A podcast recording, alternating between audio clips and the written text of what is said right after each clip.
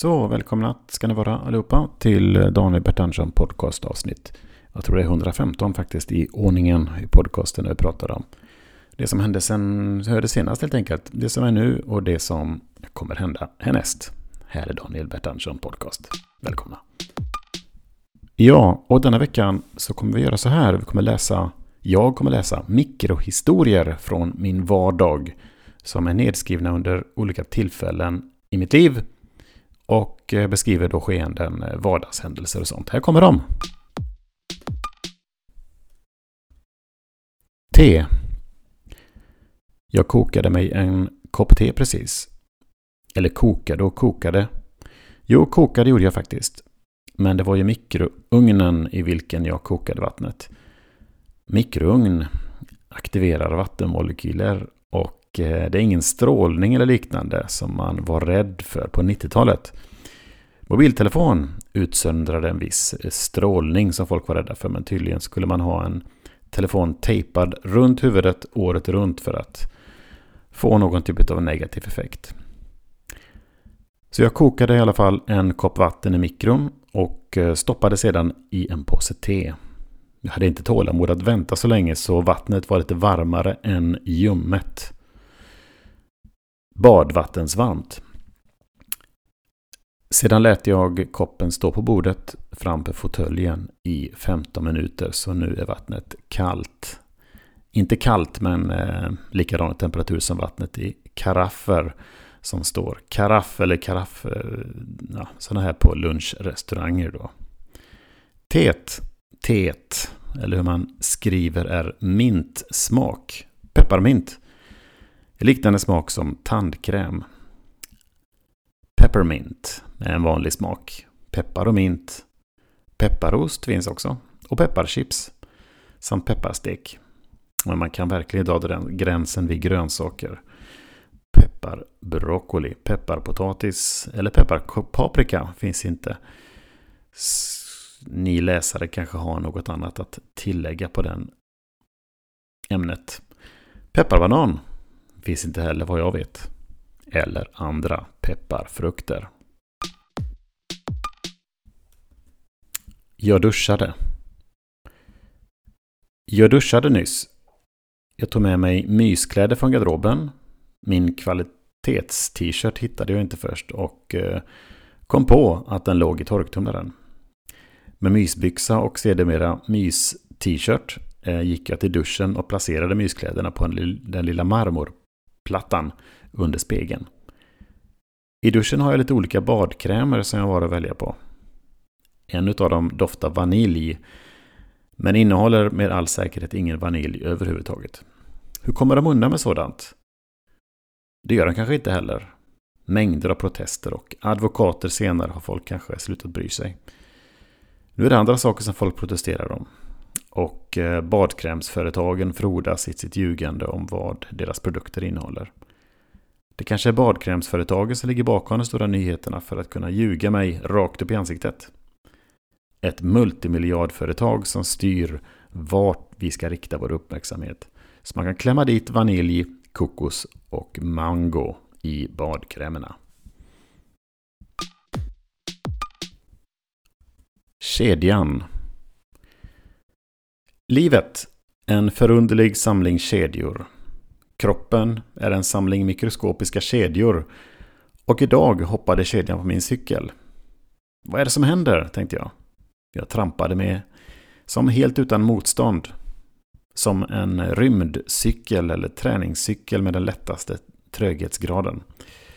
En sån där träningscykel som man undrar om man verkligen får något ut av det här.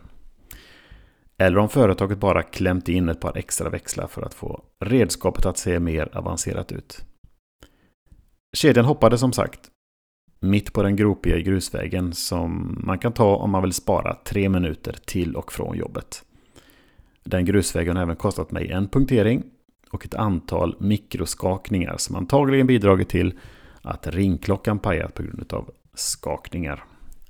Jag ska aldrig ta den genvägen igen. Så där stod jag i duggregnet som analkades. Podcasten i mitt öra var på för hög volym och jag hade handskar på mig. Jag fick lirka med kedjan som var nyinoljad. Och när jag var kvar, klar blev jag mycket glad och stolt. En glädje och stolthet som snabbt förbyttes i ett febrilt letande efter någonstans att torka mina händer. På åken växte det något som såg ut som salladsblad.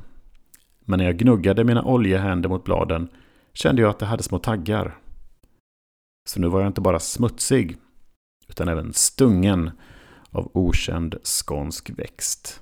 Vad var detta för växt? Det slutade med att jag torkade händerna med två nävar gammalt hö som låg på vägen.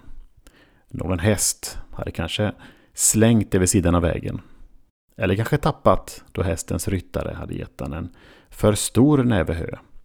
Så mycket hö att hästen inte klarade av att mumsa i sig allt tillsammans. Så hästen slängde det vid sidan av vägen. Och nu blev detta hö min lycka. Så jag kunde torka av mig det värsta av oljan. Det är lustigt hur livet kedjas ihop av olika öden. Någon annans hö blev min tvål, som man säger. Kimchi. Idag köpte jag mig en burk kimchi. Det är koreanska fermenterade kål med chiliröran. Jag har ätit mycket kimchi i mina dagar och eh, jag tycker det är gott. När jag öppnade burken välde det ut på bordet. Som om det hade jäst. Jag har aldrig sett kimchi göra på det sättet. Det luktade inte illa. Men barnen uppskattade inte doften. Det smakade okej, okay, men lite konstigt. Jag frågade personalen på ICA om det var normalt att det ska välla ur burken. Men hon visste inte.